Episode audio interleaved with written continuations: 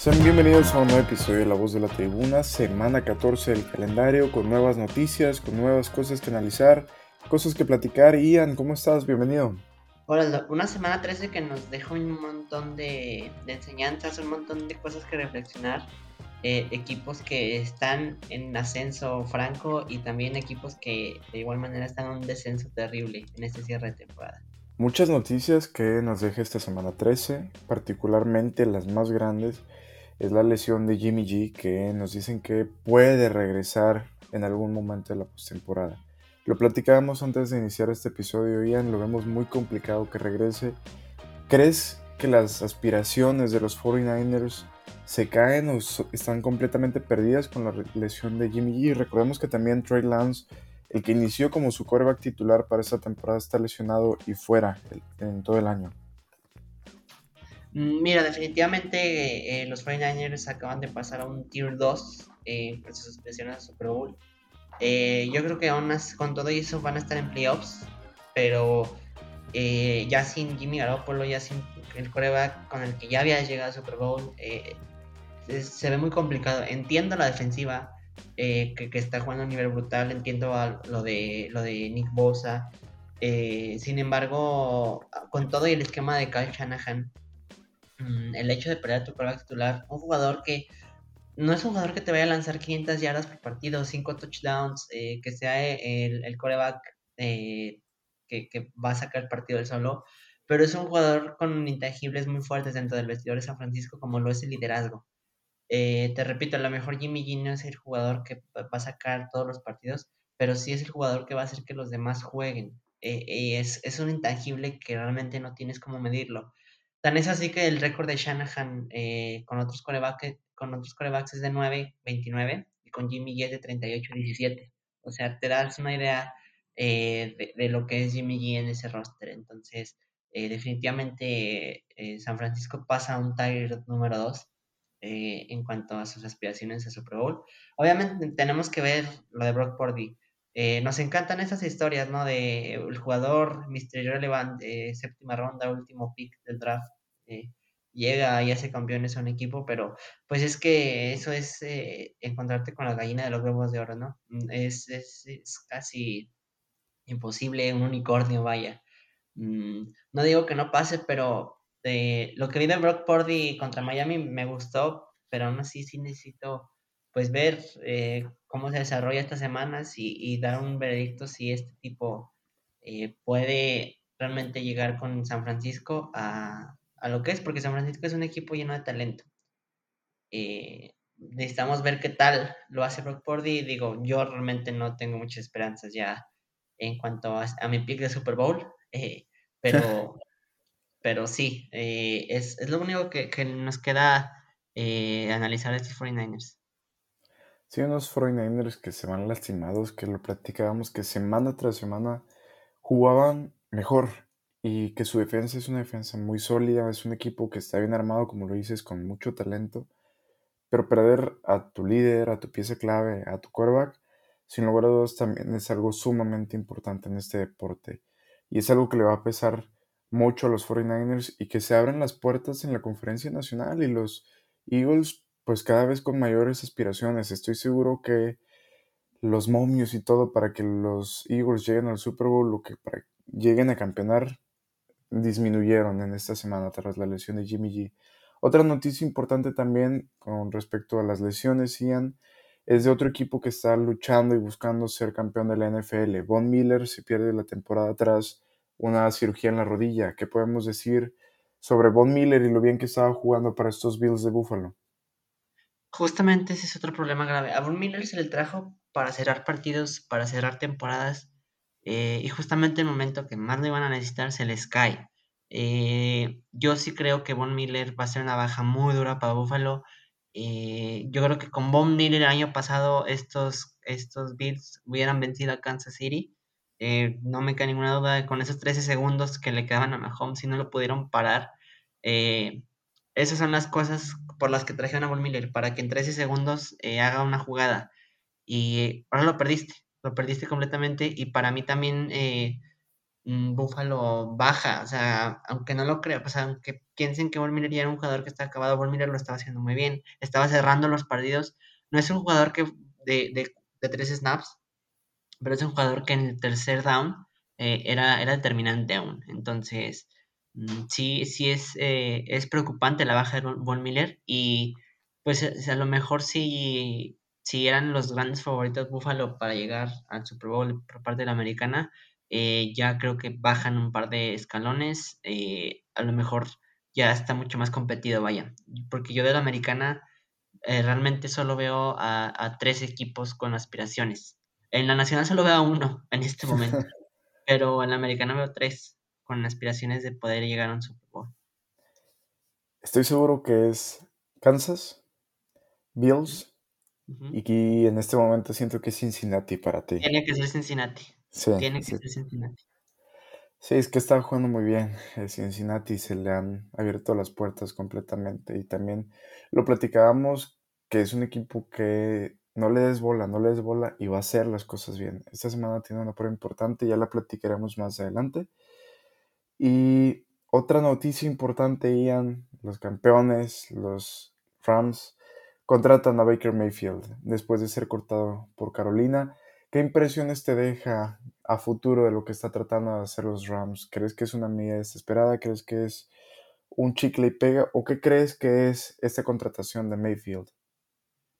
Creo que lo describes muy bien con medida desesperada. Eh, realmente a los Rams ya les importa un pepino lo que pase esta temporada, pero no quieren que parezca eso. ¿Sí me explico? O sea, eh, no quieren que el mundo se dé cuenta que a los Rams ya les vale más la temporada, pero realmente a los Rams ya les vale más la temporada. Es eso. Eh, yo, o sea, veo el supporting cast que Baker Mayfield tenía en Carolina. Tenía DJ Moore, tenía en su momento a McCaffrey, luego a Donta, Foreman.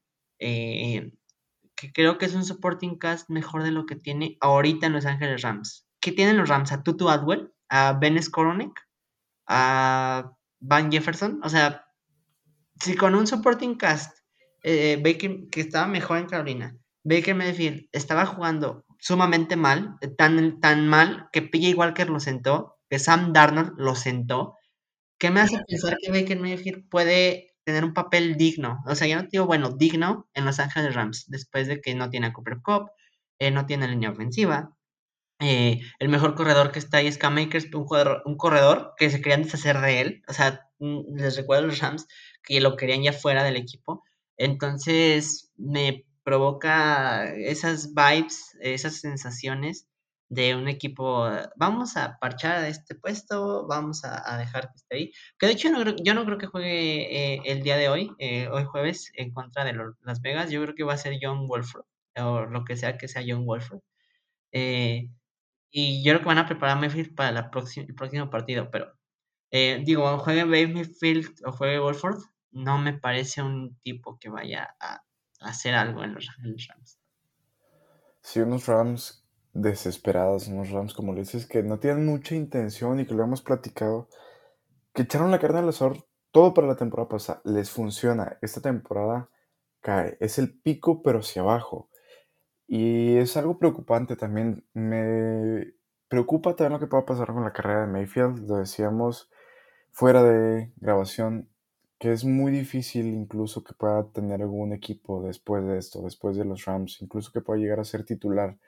No sabemos qué pueda pasar con la carrera de Mayfield, un pick eh, número uno global, es una caída totalmente abrupta, su tercer equipo en un año eh, natural, o sea, estuvo con los Browns, ya estuvo con Carolina, ya estuvo con los Rams, y a ver qué pasa para la próxima temporada. Es algo pues preocupante para él y para su carrera. ¿Sientes que ya es un boost o, que se convirtió en eso, Ian? Definitivamente sí, Aldo, porque cuando tú seleccionas un field sobre el pick, eh, seleccionas, eh, o al menos crees, o se busca que sea un Hall of Famer cuando acabe su carrera. Y, si no es eso, creo que es un boost. Sobre todo, al menos yo sí evalúo los primeros eh, cinco picks de, este, que se hacen tú buscas en los primeros cinco picks jugadores que se hagan, eh, que se busque que al final de su carrera sean Hall of Famers. Es lo que buscas. Obviamente no pasa siempre, de hecho pasa muy pocas veces, pero es lo que buscas. Y si no llegan a ese nivel de elite, Entonces son un boost. O sea, definitivamente lo tienen que, tienen que llamarse así. Eh, por, en draft yo evalúo así, del pick del 1 al 12, eh, busco jugadores que desde el año 1 eh, sean de impacto inmediato y que sean jugadores importantes en un esquema, ya sea defensivo o ofensivo. Del 13 al 22 aproximadamente, busco titulares sólidos, titulares que, que hagan bien las cosas. que a lo mejor no, no a nivel de elite, pero titulares que, que, lo estén haciendo de muy buena manera. Ya del 23 al 32 busco jugadores que a lo mejor sean a futuro, que, que, pero que en algún momento de su carrera sí se convierten en titulares sólidos. No en el primer año, pero sí que en un momento de su carrera eh, lo hagan como un buen titular sólido. Eh, así es como yo evalúo los primeros, primeros, o sea, para yo determinar si son un bust o no eh, estos jugadores. entonces, bajo ese parámetro, para mí Mayfield es un bust Sí, Mayfield, uno más a la lista. Entonces, creo que es una de las tres noticias más importantes que nos deja entre la semana 13 y la semana 14. Hay otras cosas que también queríamos platicar, Ian, que pasa dentro del terreno de juego, que es por ejemplo los Ravens. Me platicabas que es un equipo que partía cayendo, que no está jugando bien y que probablemente no llegue ni siquiera a la postemporada. ¿Qué hay que decir sobre eso? Eh, justamente como lo mencionas, Aldo, para mí es un equipo que, que está terriblemente. Es una película que yo vi el año pasado. O sea, esta película ya la vi. Eh, selecciona a Lamar, entra Tyler Huntley. Mm, estos Ravens eh, empiezan a jugar mal, empiezan a perder partidos. El año pasado, los últimos siete partidos perdieron seis y se quedaron sin playoffs. igual iban, iban de una manera espectacular, incluso pudiendo pelear el First Seed de, la AFC y de repente se cayeron. Ahora, si esto le vuelve a pasar a John Harbaugh, eh, yo creo que es momento de decir bye a, Baltimore. definitivamente. Eh, es un coach que les dio ya un Super Bowl. Es un coach que funcionó durante muchos años. Pero ya que te pase dos años y luego eh, microsíntomas de que ya le pasó en, diferentes partidos que los pierde, ya teniéndolos en la bolsa. Mm, y si este equipo se les vuelve a caer con el talento brutal que tienen, porque eh, aparte, deja tú que la Mar se haya caído. Tienen un talento muy bueno. Digo, a lo mejor la ofensiva no me encanta, sobre todo los receptores. Eh, pero la línea ofensiva es bastante decente. Eh, el ala cerrada Mark Andrews es un top 3 de la NFL, sin duda alguna. Los corredores son, son decentes todos entre and Dobbins, Gus Edwards, Justice Hill. Ah, ahorita su ataque terrestre depende de Kenyan Drake. sí me, o sea, Kenyon Drake, un jugador que, había estado olvidado en, en, varios rosters, incluso en practice squads, eh, y ahorita es el que eh, tiene la batuta en el ataque terrestre. Mm, la defensiva son, son un All-Star Team. Marcus Peters, Marlon Humphrey, eh, Kyle Hamilton, Rockman Smith, Patrick Quinn, mm, Justin Madubuik, Odafe, Odafe Owens y Odafe Owe, eh, o sea, yo veo el roster de los Baltimore Ravens y es un roster que está muy padre, pero es un roster que no funciona, no cuaja. Y te repito, es un equipo que yo lo veo en clara, eh, en clara, clara eh, curva de descenso para cierre de temporada. Bien lo decía Bill Parcells, los verdaderos contendientes se ven después del Thanksgiving. Y ya vimos, ya empezamos a ver esos síntomas. Sí, unos Ravens que además de dolerles anotar puntos en las últimas semanas, en la última semana anotaron 10 tristes puntos frente a los Broncos. Es cierto que los Broncos son una defensiva muy sólida, pero lo hemos visto también hace un par de semanas frente a los Panthers, lo que les costó anotar puntos y es un equipo que le está doliendo bastante eso. Ahora, con la lesión de Lamar Jackson, que tiene una lesión en los ligamentos, es otro síntoma importante, es otro tema a tratar, sobre todo por la pelea en la que están en su división. Tienen a la casa a los Bengals que están atrás de ellos con el mismo récord, solamente es por algunos criterios de desempate. 8-4 ambos. Esta semana tienen una prueba difícil frente a los Steelers que como decías también están jugando cada vez mejor y pueden apretar bastante estos Ravens. Y a los Ravens les cuesta mucho jugar contra los Steelers. Como lo hemos dicho, se junta el agua y la sed y peligro para estos Ravens. Es una semana apretada y cuidado con que no ganen su división. Si no ganan su división, se meten en serios problemas para clasificarse a la postemporada. Otra de las notas importantes, Ian, que nos deja la semana 13, es el desempeño de Russell Wilson. ¿Qué te parece esto de Wilson? La relación que tiene con su vestuario y la relación que tiene también con los aficionados, porque cuando llegó a Denver todo el mundo estaba muy emocionado, todo el mundo estaba excelente. Russell Wilson, por fin tenemos a un coreback eh, con capacidades, a un coreback hasta cierto punto que puede llegar a ser considerado elite. En algunas temporadas lo fue. Tenemos un coreback campeón de Super Bowl. Por fin, ya tenemos la defensa. Ahora tenemos el ataque. ¿Qué impresiones crees que tiene en este momento Russell Wilson en toda la esfera de los Broncos? Mira, Russell Wilson es un jugador que si se hubiera retirado en 2021, o sea, el año pasado, eh, tendría argumentos, no digo que ya lo fuera, pero tendría argumentos para, para ser considerado un jugador de Hall of Fame. Si se retira acabando esta temporada, digo, no va a pasar, pero si se retirara acabando esta temporada, ni de chiste, Russell Wilson podría considerarse eh, de alguna manera Hall of Fame. Mm, aquí van unos datos eh, que, que sí me volaron la cabeza cada uno de ellos. Carson Wentz tiene más pases de touchdown que Russell Wilson. Y Carson Wentz no juega desde la semana 6 de la NFL. Russell Wilson tiene 7, Carson Wentz tiene 10. Zach Wilson, Zach Tiene mejor quarterback rating que Russell Wilson. Marcus Mariota tiene mejor porcentaje de pases completos que Russell Wilson. Eh, eh, te preguntaba antes de grabar, eh, ¿podrías decirme tres corebacks que sean peores ahorita que Russell Wilson? Yo honestamente encontré solo dos. y uno que está ahí peleándose el otro. O sea, están ahí como muy parejos. Te, te a hacer la pregunta. ¿Me puedes decir tres corebacks que sean peores que Russell Wilson ahorita? Sabiendo tu respuesta, es Matt Ryan, es Zach Wilson y ya, no hay más. Exacto. Y el que se está peleando ahí es Andy Dalton. O sea, e, eso es lo que a mí me preocupa de una manera mm, terrible, terrible, terrible, terrible.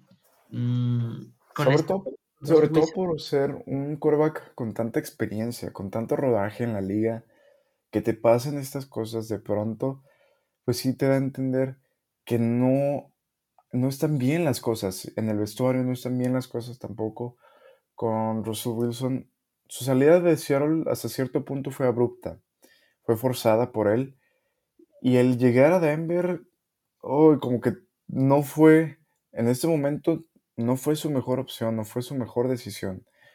Los Broncos, si te soy sincero, nadie podría pensar que tendrían un récord de 3-9 en este punto de la temporada al iniciar. De verdad, te lo aseguro, te lo firmo. Todo el mundo creía que quizás no sería una temporada de postemporada, pero podría estar cerca del punto 500.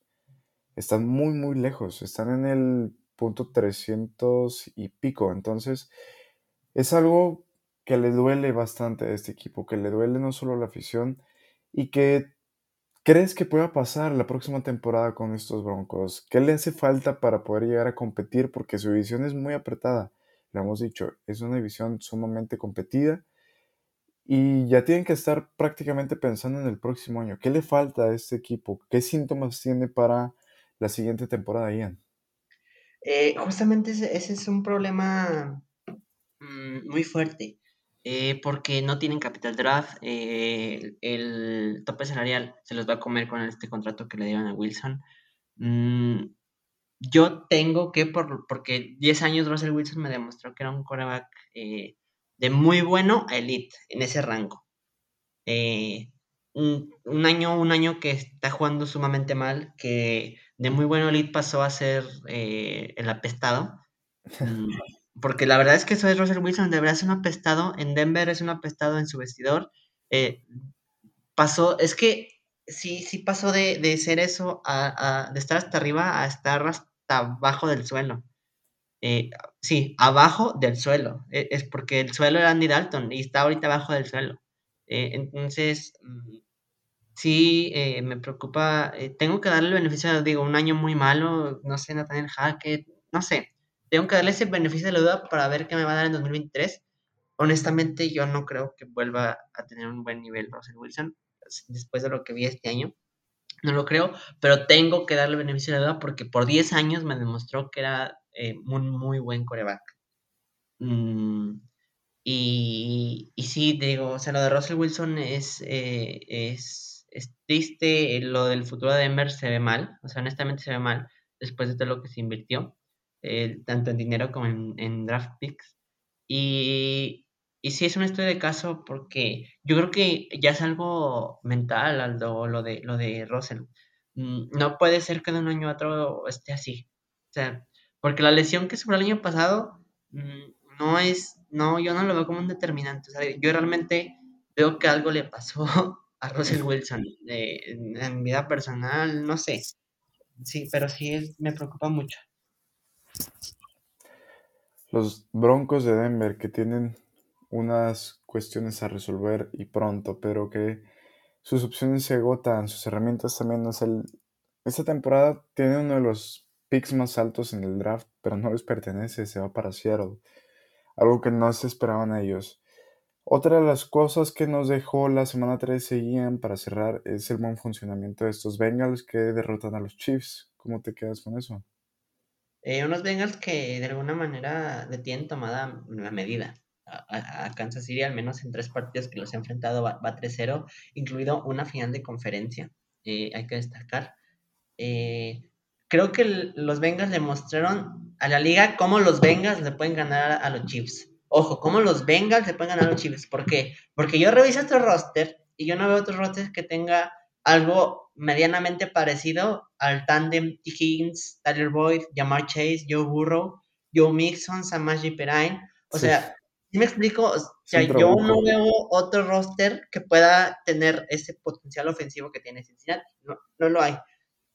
En la NFL no hay un roster que tenga ese potencial ofensivo en cuanto a talento. Porque sí tenemos en Minnesota tenemos a Justin Jefferson, pero está aislado. En Filadelfia tenemos a un AJ Brown, tenemos a un Miles Sanders, tenemos a un Jalen Hurts, pero realmente yo no, no veo como que talentos equiparables entre uno y otro. Entonces, ahí es donde eh, yo veo como, te repito, yo le enseñó a la liga cómo Cincinnati le puede ganar a, Kansas City. Solo Cincinnati, eh, repito.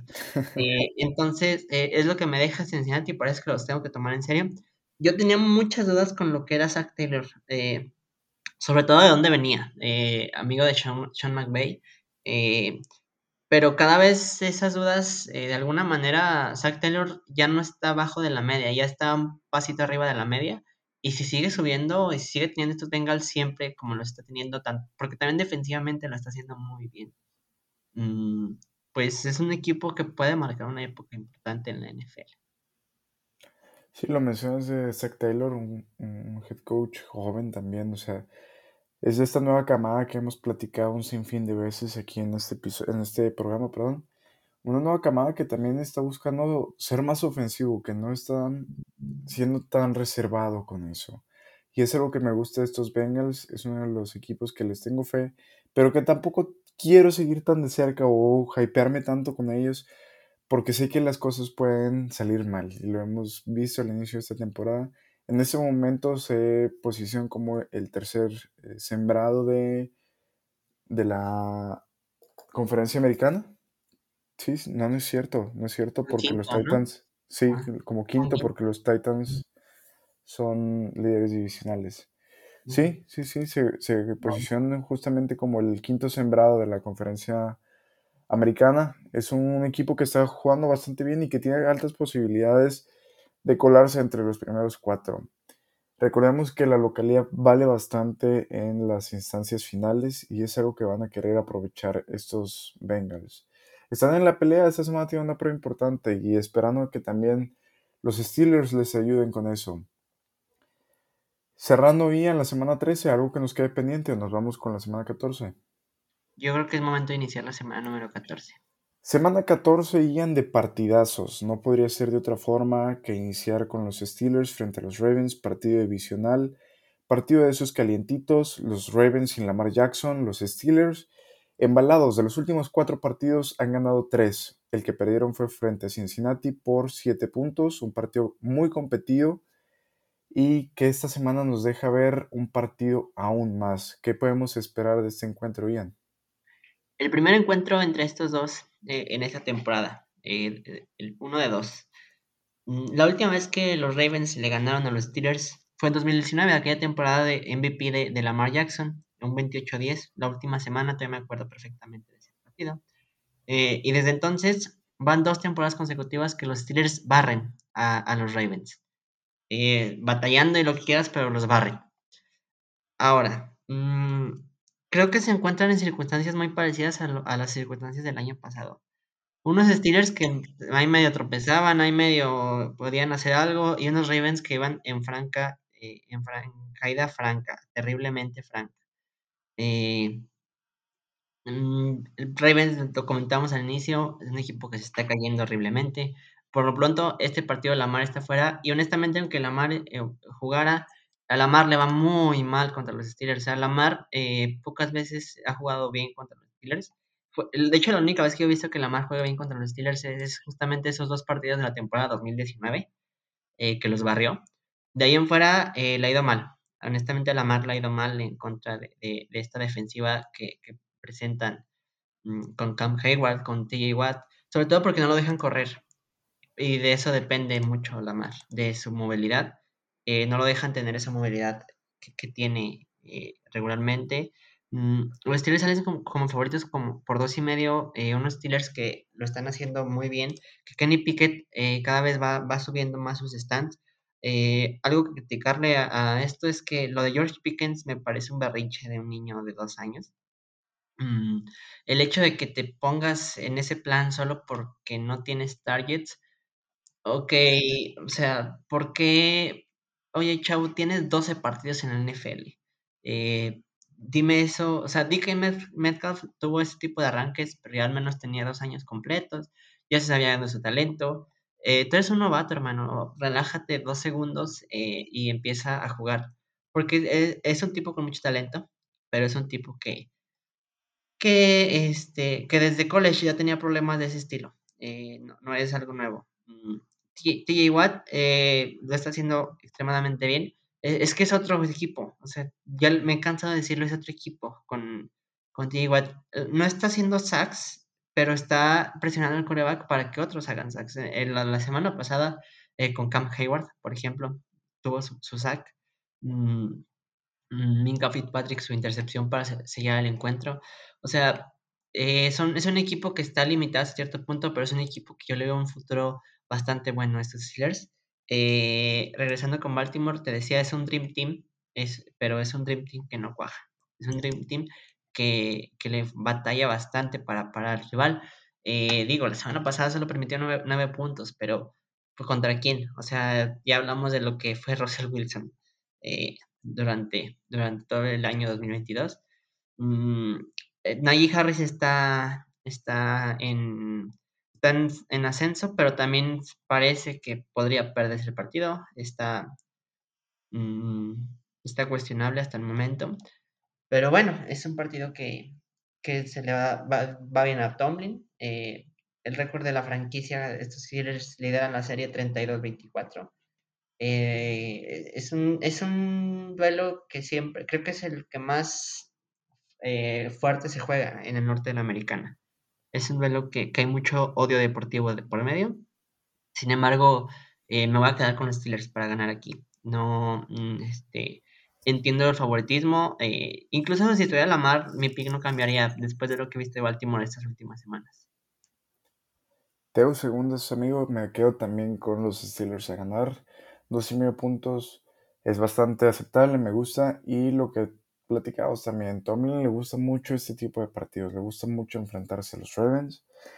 E independientemente que no juegue en la mar, los datos y los números de la mar frente a los Steelers en su carrera es que ha completado cuatro touchdowns, seis intercepciones, todo esto en cinco juegos frente a los Steelers. Apenas 634 yardas. Realmente es un desempeño bajo en el cual tienes más intercepciones que touchdowns a Lamar no le va bien frente a estos Steelers y en general a los Ravens les cuesta mucho. La temporada pasada los marcadores Steelers 16-13 se jugó en enero del 2022. Steelers 20, 19 frente a los Ravens en diciembre 5. Generalmente se juegan por estas épocas del año, entre diciembre y enero, y le van bastante bien a los Steelers. Lo que mencionábamos también sobre subirnos a un tren esta, esta semana me va a subir con los Steelers.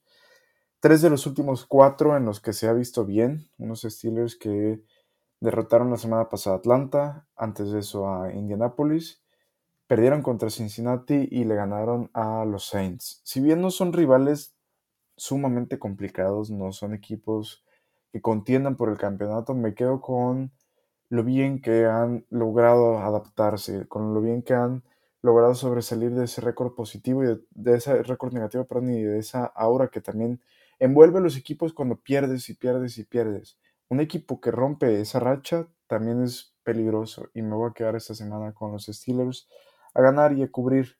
Nos vamos con el primer pick igual. La semana pasada nos fue. Nos fuimos tres picks contra Tú te fuiste 2-1, yo me fui 1-2. Perdí tontamente con los Bears. Ya lo platicaremos en los picks. Siguiente partido, Ian, ¿no algo más que platicar de este partido divisional? Vamos al siguiente.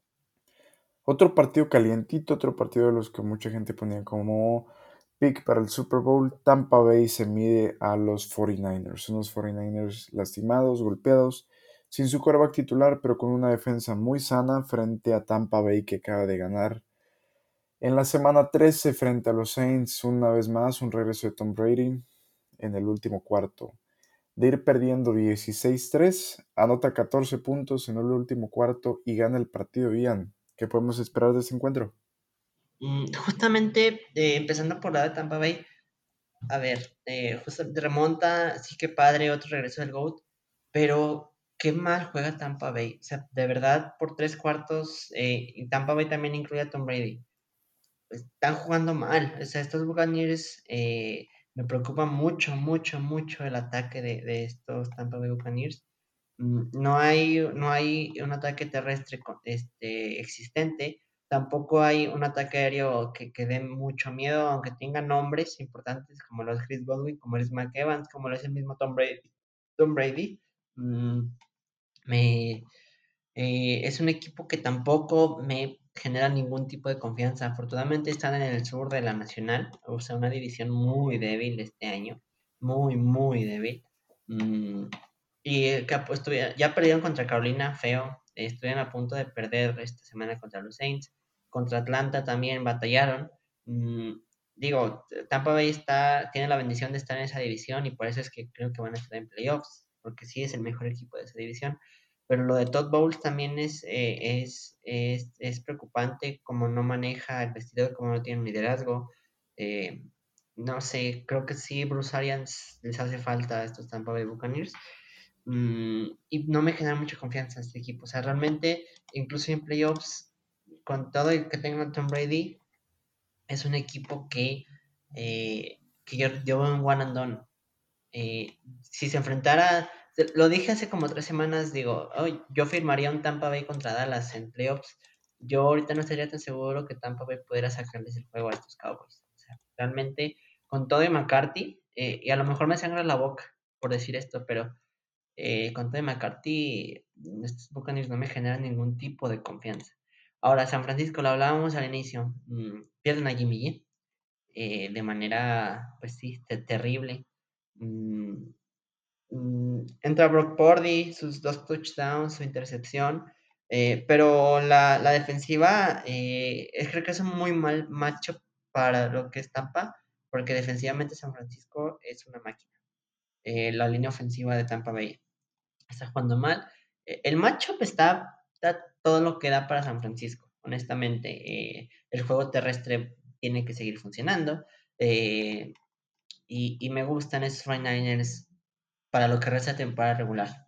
O sea, ¿por qué? Porque se enfrentaron a un rival con, un ataque eh, muy bueno, como lo es Tua, como lo es Tarek Hill, como lo es Jalen Waddle, como lo es Raheem Mostert, el mismo Jeff Wilson que tuvo una carrera para tres yardas, o sea, limitaron demasiado a, este equipo.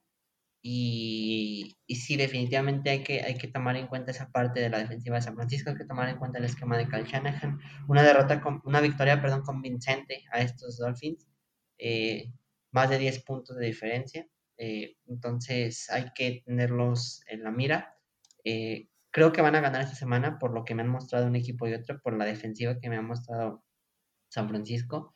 Mm, sin embargo, no sé qué más vaya de para el futuro. Me quedo por lo que te menciono, por lo mal que está jugando Tampa Bay eh, y lo bien que lo está, está haciendo Demico Ryans en esta defensiva. Pese a perder a Jimmy G y a pesar del regreso de Tom Brady, los San Francisco 49ers son favoritos por tres y medio puntos. Es un número bastante alto para no tener a tu quarterback titular y para enfrentarte a Tom Brady. Yo también me voy a quedar con San Francisco. Como lo dices, es un pareo muy complicado para Tampa por lo mal que está jugando en el costado eh, terrestre. No está sabiendo hacer las cosas y le cuesta también un mundo mover el balón, lo decimos, semana tras semana. Este Tampa Bay, sabemos que su primera oportunidad va a ser por tierra. No va a funcionar, va a avanzar una, dos yardas y después, Tom Brady, ayúdame, a ver qué hacemos. Le está faltando mucha creatividad ofensiva a Tampa y eso es un mal pareo frente a una excelente defensiva como son los 49ers. Me preocupa lo que vaya a haber en el costado ofensivo, eh, al menos aéreo de parte de los 49ers, pero no creo que sea necesario que recurran a tanto. Kyle Shanahan, compañía, van a hacer este, este juego un juego estilo Niner. la tranquila, nos vamos por tierra, dejamos a Tom Brady en las laterales, que no entren, nos ocupamos nosotros. Defensa, aquí está. Y siento que eso es un mal pareo para Tampa, así que te voy a hacer segundas, me quedo con Tampa, voy a ganar. El 3 y medio no me gusta tanto, me quedo simplemente con eh, los 49ers a ganar. A cubrir estoy fuera para ambos lados. ¿Tú cómo vas en eso? Sí, justamente igual, o sea, no, no, me meteré en este partido, sobre todo porque no hay coreback. Exacto, sí, me quedo simplemente con los 49ers a ganar que también están en la pelea estos 49ers de meterse ahí en la postemporada, están rascando, pero veamos para qué les alcanza en este momento. Son líderes divisionales 8-4. Tienen detrás a los Seattle Seahawks 7-5. Se abren las puertas en la nacional a ver quién se anima a meterse al Super Bowl. Todo indica que los Eagles, pero recordemos que en el deporte y en la NFL siempre hay sorpresas. Ya lo platicaremos en lo que nos queda de la temporada, Ian, se nos acaba la temporada, 14 semanas de 18. Estamos en el último estirón, en el último cuartito de la NFL temporada regular 2022. Siguiente partido, Ian, los Browns, que ganan la semana pasada frente a unos Bengals que los hemos chuleado mucho en este episodio. ¿Qué impresiones tienes y qué te deja este partido? El récord de Joe Burrow frente a a los Cleveland Browns es muy, muy triste. Es 0-4. No le sabe ganar a estos Cleveland Browns. ¿Cómo vamos? Mira, eh, empezando lo de Cleveland, me da tanto gusto ver cómo Deshaun Watson jugó mal. O sea, cómo 22 meses fuera del campo mm, le, le, le, eh, le, hicieron estragos. Mm, Solo porque enfrentan a Houston Texans. Porque ofensivamente no hubo un solo touchdown de estos Browns. Uno, no, hubo solo uno. Fue entre defensivas, entre equipos especiales. Estos fueron los puntos de, los Browns. Mm, además de que tenían a Kyle Allen enfrente, yo no sé en qué momento Robbie Smith pensó que Kyle Allen era un coreback eh, que pudiera funcionar en la NFL. Es realmente malo. Muy, muy malo. Mm, pero sí, o sea, solo porque tenían frente a Houston, ganaron. Eh, con eso me quedo y me da gusto ver cómo Deshaun Watson eh, lo hace sumamente mal. Y, espero que así siga. Cincinnati viene una victoria convincente, viene de ganarle a un serio contendiente al Super Bowl, mm, con 286 eh, yardas de, de Joe Burrow. Samaya Perrine lo está haciendo muy bien en sustitución de Joe Mixon. Mm, me, gusta, me gusta lo que veo. Mm, me, me provoca mucha emoción lo que puedo ver de Cincinnati en años futuros, con todo y que son rivales directos de los Steelers. Pero va a haber, va a haber buenos vuelos, estoy seguro, en años venideros. Mm, Joe Burrow va 0-4 contra Cleveland. Eh, desde que Kevin Stefanski tomó a los Browns, no ha perdido un solo partido contra Cincinnati. Es algo a considerar, sin duda alguna. Eh, es algo que hay que tener en cuenta. Eh, sin embargo, yo me voy a quedar con el, buen momento de Cincinnati, con lo mal que lo hizo Watson la semana pasada. y creo que se quitan ese, esa paternidad pequeñita que tiene Cleveland. Este, de hecho, los últimos cinco partidos los ha ganado Cleveland. Entonces, eh, yo esta semana me quedo con Cincinnati. Creo que se quita esa paternidad. Joe Burrow, que no le sabe ganar, pero que tiene ocho touchdowns y cuatro intercepciones en sus cuatro partidos contra los eh, Cleveland Browns. No me gusta lo que hemos visto en general de los Browns y tampoco es un equipo del que hablemos mucho en ese espacio. Me voy a quedar también contigo, me voy a quedar con los Bengals por el buen momento que pasan, por lo bien que están jugando y porque recordemos que también es un duelo directo, es un duelo divisional, es un duelo de esos que aprietan y que para las aspiraciones de los Bengals esta semana es vital.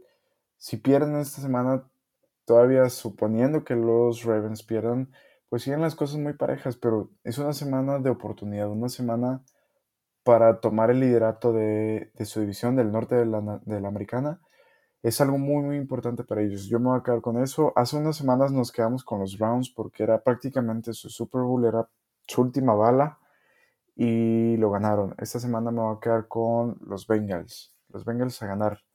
Y tampoco le tenemos cierto mm, pues, rencor a los Browns, tenemos que decirlo, cayeron de nuestra, de nuestra gracia ser el equipo del pueblo. En este momento, ¿quién es el equipo del pueblo para ti? Detroit. Sí, sí, sí, Detroit. Estoy de acuerdo contigo. Es de esos equipos que quieres que gane. Ese underdog que dices, quiero que gane, quiero que gane. A ver cómo nos va esta semana con Detroit, que ya lo platicaremos también, que tiene un partido trampa. ¿Algo más, Ian, de estos Browns Bengals? Pasamos al último partido de la semana 14 para analizar. Hay que pasar al siguiente. Siguiente partido, Chargers se miden a los Miami Dolphins, los Dolphins que vienen de perder y que pierde su invicto Tua en esta temporada. Los partidos que había jugado Tua se habían ganado.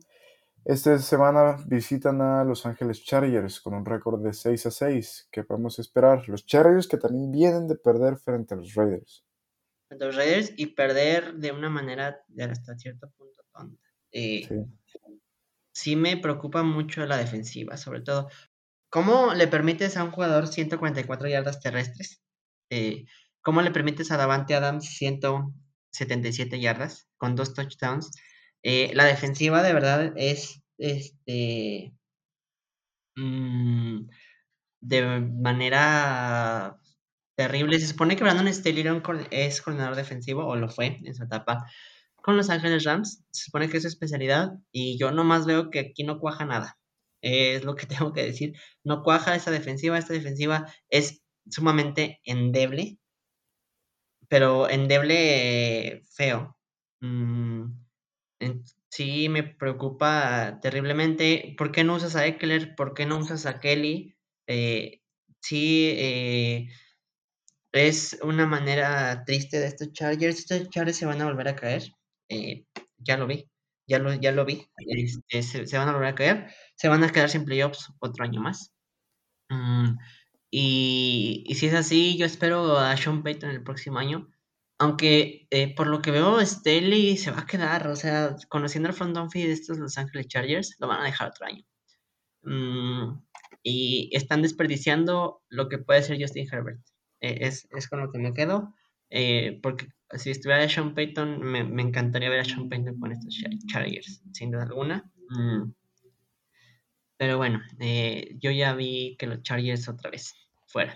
Se está hablando mucho también de una comparación entre Herbert y Philip Rivers. ¿Qué te parece esa comparación?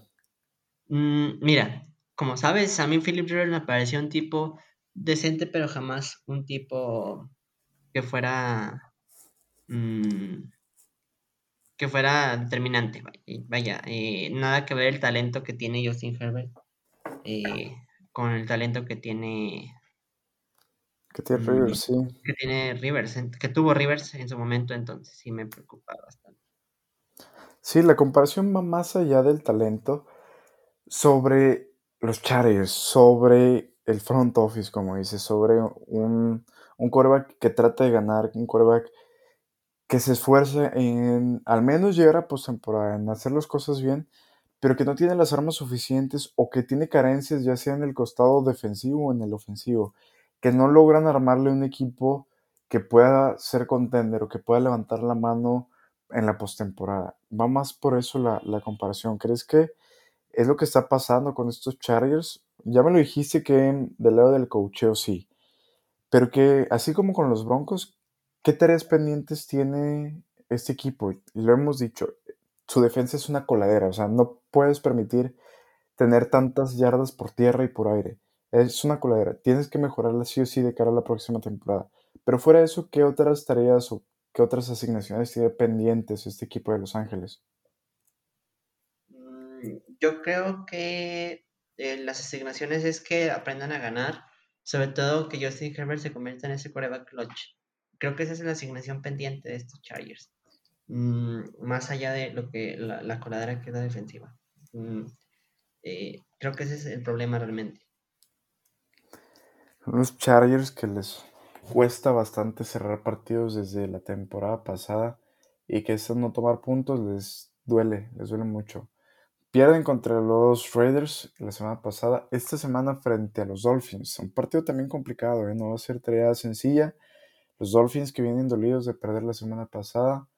¿Qué podemos esperar de este encuentro, ya? Nos faltaba que nos platicaras de los Dolphins, las impresiones que tienes de este equipo. De Miami, eh, por fin inventó una defensiva top y por fin cayó.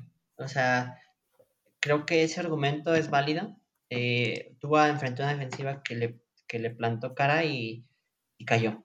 Eh, eh, tenía 180 y tantos pases, o 170 y tantos pases sin intercepción. Esta semana, bueno, la semana 13 lanzó dos. Mm, eh, eso me habla de, de, cómo, de cómo estos Dolphins eh, lo, lo sufren contra buenas defensivas.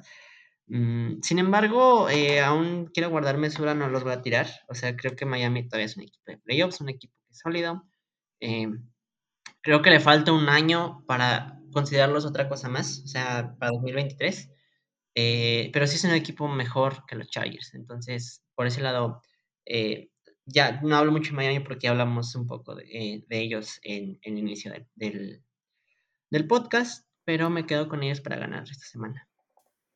Te quedas con ellos a, a ganar. ¿En cuánto está la línea? La línea ya tengo favorita a Miami por tres puntos. En menos tres favor Miami. Tres puntos de visita.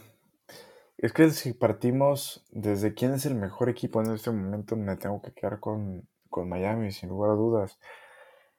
Lo que hemos visto de estos Chargers es que también suelen choquear en algunos partidos. Tienen la ventaja, la dejan ir. O que en partidos en donde se espera que ganen, te lo recuerdo, por ejemplo, frente a Jacksonville.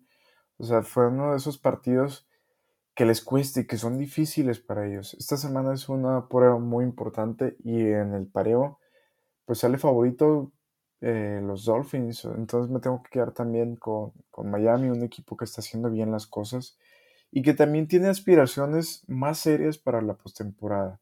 Es un equipo que está 8-4 peleando a la cabeza ahí con los Bills, está un partido detrás de ellos, pero también tiene detrás a los Jets, a los Jets que esta semana también tienen un partido pues importante. No, esta semana no es hasta la no, sí, sí, tienen un partido importante contra los, los Bills, un partido divisional. Entonces tiene que aprovechar. Alguno de estos dos equipos eh, va a perder el, el, encuentro, entonces tiene que sacar ventaja Miami, ya sea para acercarse o para despegarse de los Jets. Es una de las razones por las cuales también me quedo con los Dolphins a ganar. Ganar es prácticamente ir con eso, un pick de tres puntos es tomarlos. Me voy con los Dolphins a ganar, a cubrir. Y me gusta este pareo para Miami. Los Chargers, muchas cosas que resolver. Y sus aspiraciones también cada vez se disminuyen. Un récord de 6 a 6. Prácticamente perder esta semana es despedirse de la postemporada. Sobre todo por cómo están las cosas en la americana, cómo está en el este, en el oeste, pues es una división que le pertenece a los Chiefs. Y el norte siendo la más apretada de todas ellas. Así que vámonos con los Dolphins ¿Algo más tienen que añadir? Pasamos a los picks. Vamos a los picks. Vámonos a los picks de la semana 14, la semana que está llena de mucho morbo, de muchos partidos divisionales. Iniciamos hoy el jueves 14, jueves 8 eh, de diciembre con la semana 14. Los Ángeles Rams envíen a los Raiders. ¿Cómo vamos? Híjole, yo me voy con los Raiders, pero tengo. me da frío. Sobre todo la, línea de alta. La línea está en menos 6. Exacto. Voy a tomar a los Raiders porque están embalados, pero hijo de su madre, la línea ni de chiste. No, y también los Raiders son esos equipos que te sacan una cosa bárbara semana tras semana. O sea que te puede dar un partidazo y a la siguiente se cae completamente. A la siguiente lo blanquean los Saints. O sea, es de esos equipos que no te lo crees. Voy a quedar contigo, me voy con los Raiders, porque en teoría es el mejor equipo en papel, frente a frente, pero la línea no me gusta nada. En general es un partido de esos que no... Si fuera en domingo, como en otros partidos, no sería de mis favoritos para ver. Lo tenemos en un jueves por la noche, me quedo con los Raiders. Vamos iguales. Hasta el momento no tenemos picks Contreras, eso me sorprende. Ya veremos qué pasa. Los Lions, que sorpresivamente son favoritos frente a los Minnesota Vikings. ¿Qué podemos esperar, Ian, de este partido? Una línea que inició con los Vikings como favoritos, actualmente tiene a los Lions. ¿Cómo vamos? Yo no recuerdo un equipo con cinco victorias, nunca, nunca. O sea, que sea favorito sobre un equipo con 10 victorias que no haya lesiones clave, que no haya, o sea, que, que no haya bajas pues del equipo que tenga 10 victorias. Yo no recuerdo un partido, o sea, que, que esté como favorito un equipo.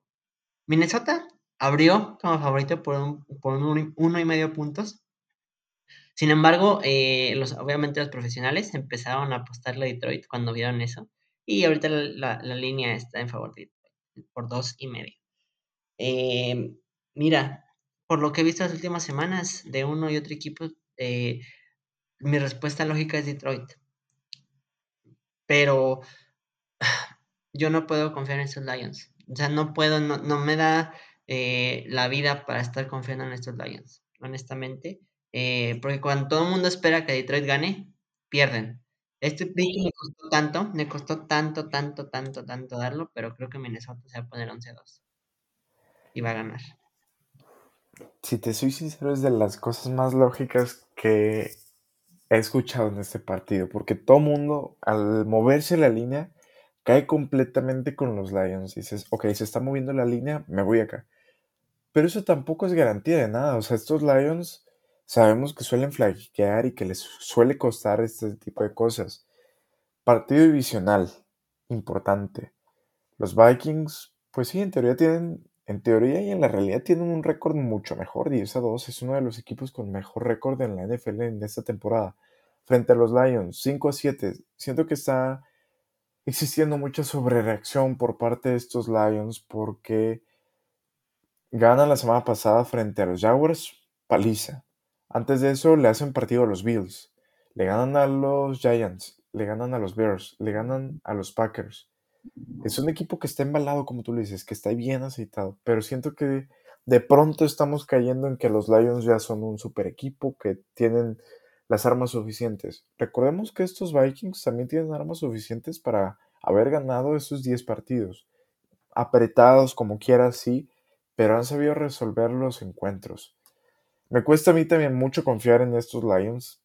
No es uno de mis picks favoritos, o sea, pero por llevarte la contra, creo que no nos vamos a ir contra en ningún otro partido de la semana.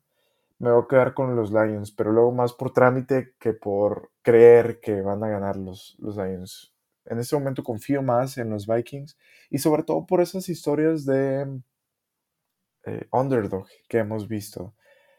¿Tú cómo crees que se siente el vestuario de estos Vikings al ser underdog frente a un equipo 5-7?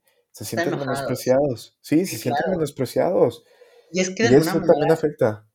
Tiene razón la gente en no confiar en estos Vikings. O sea, yo de verdad es el peor equipo que he visto con 10 victorias. O sea, es muy malo. Este, o sea, no muy malo. O sea, tiene talento en sí Jefferson, pero es un equipo que no te genera nada de confianza. Yo sigo, yo, yo estoy firmando este one and done en playoffs de Minnesota ya. Y en su casa con su gente, ¿eh? Sí, sí, Ojo sí. con eso, porque van a ser líderes, líderes divisionales. No hay manera, o sea, no hay manera de verdad en que pierdan el, el liderato divisional frente a los Lions, que es el equipo que está en la casa. Pero, bueno, por trámite me voy a quedar con eso. Pero va, siento que va a haber un rebote y que van a ganar los Vikings. Siento que van a ganar los Vikings esta semana. Me voy con los Lions por trámite, por llevarte la contra. Nos vamos en el primer pick Contreras, pick dividido. Tu Vikings, your Lions. Siguiente partido, Ian. Tenemos el partido de los Steelers frente a los Ravens, un partido que habíamos platicado en este episodio. ¿Cómo vamos? Gana local. Gana local por tres puntos o más. Nos vamos con los Steelers a ganar una victoria más de Tomlin frente a los Ravens. Cincinnati Bengals frente a los Cleveland Browns en un partido que se juega en Cincinnati. ¿Cómo vamos? Cincinnati se quita, se quita ese, Esa eh, paternidad. es- esa paternidad de, de Cleveland. Sí, vámonos con los Bengals a ganar. Primera victoria de Joe Burrow frente a los Browns. Bills de Buffalo frente a los Jets buscando la revancha. Un partido que se juega en la cancha de los Bills. ¿Qué podemos esperar? ¿Con quién vamos? Una línea Uf. altísima, ¿eh? La línea no la compro ni de chiste, la línea eh, está para Nueva York, no tengo eh, dudas al respecto, pero Buffalo va a ganar, le va a batallar, pero va a ganar. Creo que vienen también, es que necesitan esos partidos, Buffalo necesita esos partidos, definitivamente. Lo necesita y tiene sed de revancha de la de hace un par de semanas en que, per- que perdió frente a Nueva York. Si no me equivoco, aquella vez que perdieron los Bills, la línea estaba en 12 puntos, si no me equivoco, Sí. estaba muy cercana. Doble dígito. Ahora la ponen de 5, pero prácticamente es ganar. Es ganar por doble dígito para, para ganar esa línea. Me voy a quedar con los Bills por la revancha, pero no me quedo con la línea. No me gusta para nada, me quedo con la línea para los Jets de Nueva York. Un equipo que también le puede complicar bastante las cosas y con la ausencia de Von Miller también hay que tener cuidado con eso. No creo que lo pierdan, no creo que los Jets barran a los Bills, pero me quedo con que no va a ser un partido, no va a ser un partido sencillo para este equipo de Buffalo. Vámonos con picks similares. Siguiente partido, Ian. Los Cowboys frente a los Texans en la línea más alta de la semana. Incluso me parece que es la línea más alta de la temporada. ¿Cómo vamos?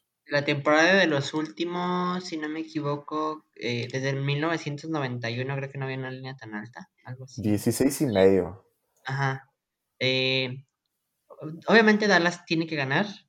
Eh, incluso había un, mm, un teaser que, que leí por ahí que hubo alguien que le metió más 25 a Dallas después de lo que vieron. Eh, perdón, menos 25 a Dallas, o sea que ganaban por 25 puntos los Cowboys o más. Mm. Es que después de la madriza que le metieron a Indianapolis. Este, ay, eh, o sea, Dallas, o sea, vamos a partir de que Dallas va a ganar. De ahí a que cobra- es que a mí me da miedo tomar a McCarthy con tantos puntos. Me da miedo, Yo, me da poco. yo no entro en esa línea, No, ni ni yo, no no, yo tampoco. O sea, yo creo que tiene el potencial, tiene el roster y todo de, hacer- de hacer, cubrir esa línea. Y la lógica me dice que la van a cubrir.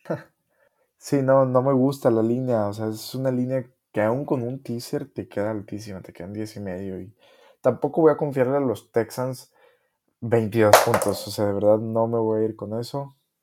Es una línea que estoy fuera. Quedamos únicamente con que los Cowboys ganan. Sí, sí, sí. Así me Vámonos entonces con los Cowboys que. Imagínate el espectáculo que sería que los Texans ganen. Que se No, jueguen, que se jueguen el contrato del próximo año y que esta sea su victoria número 2 en la temporada. yo me. mm, O sea, la siguiente semana vengo contra McCarthy con todo. O sea, con, con todo contra McCarthy. Con todo. Sí, sí, sí. Sí. Ah, estoy de acuerdo contigo, pero es que estos Texans no tienen, no tienen ataque, no tienen defensa, no tienen nada. Es un equipo para el olvido. Siguiente partido, Ian. Los Giants frente a los Eagles, un partido divisional. Ojo que los Giants le pueden complicar como Washington le complicó las cosas a Filadelfia. Ojo con eso. La línea, O sea, 7 sí, puntos. pero Washington tiene más talento en el Sí, roster. tiene más talento Eh, y más defensa. sí, eh, yo me quedo con Filadelfia. Eh, los siete puntos no los tomo, pero sí, no, no, no veo un escenario donde Nueva York le saque el partido a Filadelfia. Vámonos con Philly, igual. nos quedamos con los Eagles a ganar. Se ponen cada vez más sólidos como líderes divisionales, bueno, como líderes divisionales sí, pero como primer sembrado de la conferencia nacional. Me quedo con los Eagles, la línea paso y en caso de tomarlo sería para Nueva York por ser un partido divisional. Siguiente encuentro, nos vamos con los Tennessee Titans frente a Jacksonville Jaguars, otro partido divisional. ¿Cómo vamos? Mm, mm, Ojo, ojo. Ojo. Es que sabes que yo estoy tan en contra de estos Titans. Es que Mike Breven me encanta como coach, pero ah, estos Titans no me dan nada. No me dan nada de, de- de esperanza para nada. Eh, mira, por, por tomar un pick Contreras, voy a tomar Jacksonville. Con todo y con de visita. Ok, vámonos con los Titans. Vámonos picks Contreras, picks divididos, Titans Jacks. Si te soy sincero, es de los picks eh, Contreras más parejos, ¿eh? O sea, no, no creo que sea tampoco tarea sencilla para estos Titans. Lo hemos hablado una y otra vez, que el récord no nos engañe. 7-5, sí, frente a un récord 4-8, pero las cosas no funcionan así en la NFL. Una misma fórmula de los Titans que puede ser agotada. Derrick Henry puede ser detenido y se te acabó la fiesta, se acaba todo. Vámonos es que yo con los Titans. otra vez es el, es el Trevor Lawrence que le ganó a Baltimore. Yo me aferro a eso que vi contra Baltimore. Porque lo que vi, yo vi en Joe Montana ahí. Yo vi a Joe Montana ahí. Entonces yo me aferro a eso. Me, me quiero aferrar a eso. Te brillaron los ojos. Partido que se juega en Jacksonville también. Es, es algo importante. Se juega en Tennessee. ¿Se juega en Tennessee? Según yo, se juega eh, No. en Jackson. No, sí, se juega en el Nissan Stadium. Sí, tienes razón, se juega en Tennessee. Los Titans son muy sólidos en su Lleva casa. todas las de ganar, o sea, Tennessee lleva todas las de ganar, digo, o sea, no, ya yo este pick lo tomo como de esos picks que digo, si lo atino, qué bueno, pe- pero ya estaba perdido, ya estaba perdido desde que lo di, entonces, así, así es como yo tomo este pick. Sí, sí, sí. Esos que cerrando los ojos lo avientas, nada más. Ok, va- vámonos con Pick Contreras. Siguiente partido, Ian, domingo 3 de la tarde. Los dos Broncos en otro partido divisional frente a los Kansas City Chiefs. Línea 9.5 favoritos, los Chiefs. ¿Los compras? Va a ganar y compro la línea. Compras la línea frente a esta. Y con todo y que son visitantes, con esa defensa, eh, con, con todo y que también son los Mahomes, jamás ha perdido contra Denver. Eh, si no me equivoco, creo que van como 12 partidos o, o 11 fa- eh, con los Chiefs eh, ganando y Mahomes va 9 seguidos ganando. O sea, mm, o sea el, el- la paternidad que tiene Kansas City sobre estos Broncos es, es brutal. Mm, y sí compro la línea con todo y esa defensa, con todo y todo lo que tú me digas. Eh, Kansas viene dolido. Eh, sí, yo veo Kansas City muy favorito y con todo y esa línea. Me cuesta tomar la línea por la defensa que está jugando tan sólida de, de los Broncos. La semana pasada complicaron bastante los Ravens. No voy a comparar lo que están jugando los Ravens. O sea, si comparamos lo que juegan los Ravens en este momento frente a los Chiefs es basura. Pero me cuesta tomar una línea tan amplia con un partido divisional, sobre todo. Y lo que mencionas de Patrick Mahomes, 12 touchdowns, 4 intercepciones en 9 juegos frente a los Broncos. Y su récord, déjame verlo.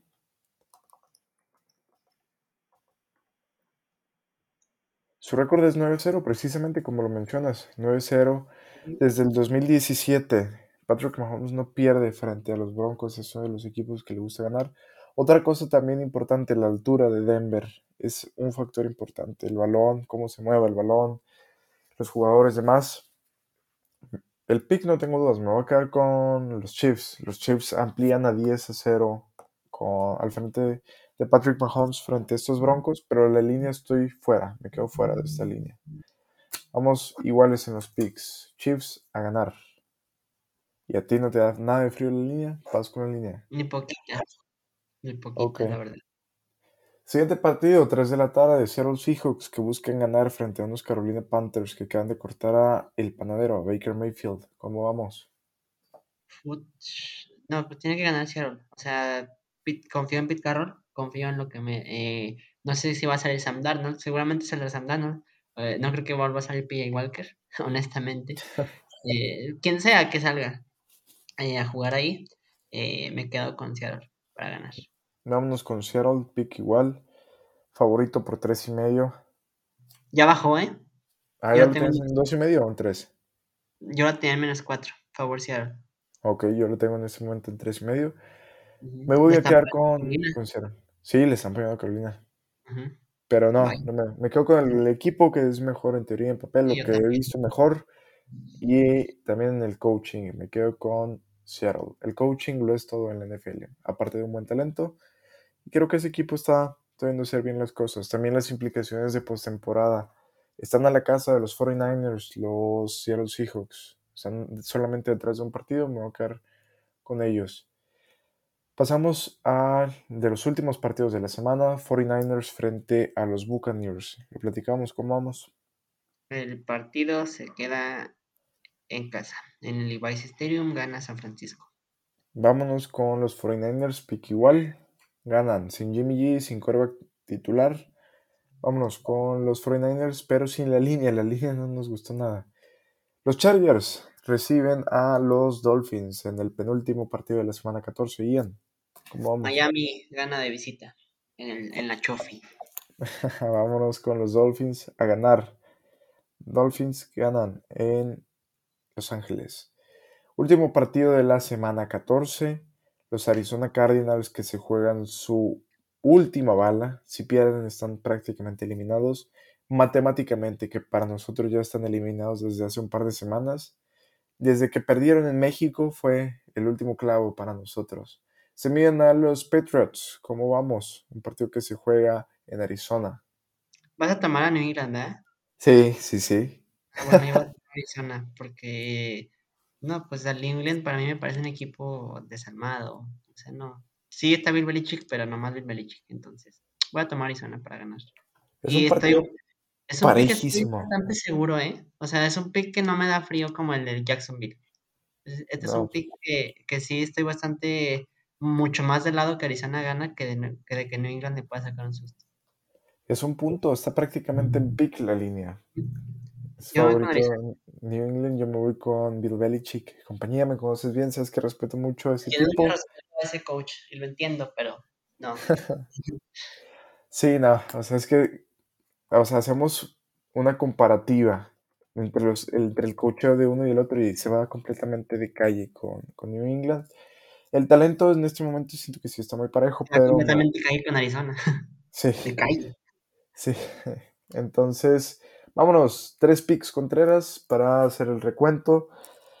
Yo voy con los Lions, tú vas con los Vikings. Siguiente partido, tú vas con Jacksonville, yo voy con los Titans. Último partido, tú vas con Arizona, yo voy con New England.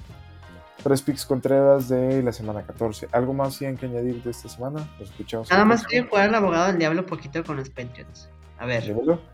Vamos a poner que van a. Supongamos que van a perder o que van a ganar esta semana. Vamos a poner que van a ganar 7-6. 7-6, sí. Luego Las Vegas, no, no le van a ganar a Las Vegas. Eh, se van a ir 7-7. Sí. Luego sigue Cincinnati, 7-8. 7-8. Luego sigue Miami, 7-9. Y cierran contra Buffalo, 7-10. 7-10. Se acabó la temporada para mí, mis estimados. Y yo realmente creo que ya esos 6 victorias ya son las únicas. O sea, yo creo que se van a ir 6-11. Pero vamos a, darte esta victoria. Pongamos que van a ganar. ¿Crees que pierden los últimos 5? Sí. Sí, sí, sí, sí, es que no, no es que yo sé, yo sé que le tienes mucho aprecio y respeto a, a Belichick, eh, yo también le tengo respeto por lo que hizo, pero ya no es lo que era. Eh, o sea, honestamente yo ya no confío tanto en estos Patriots, o más bien nada.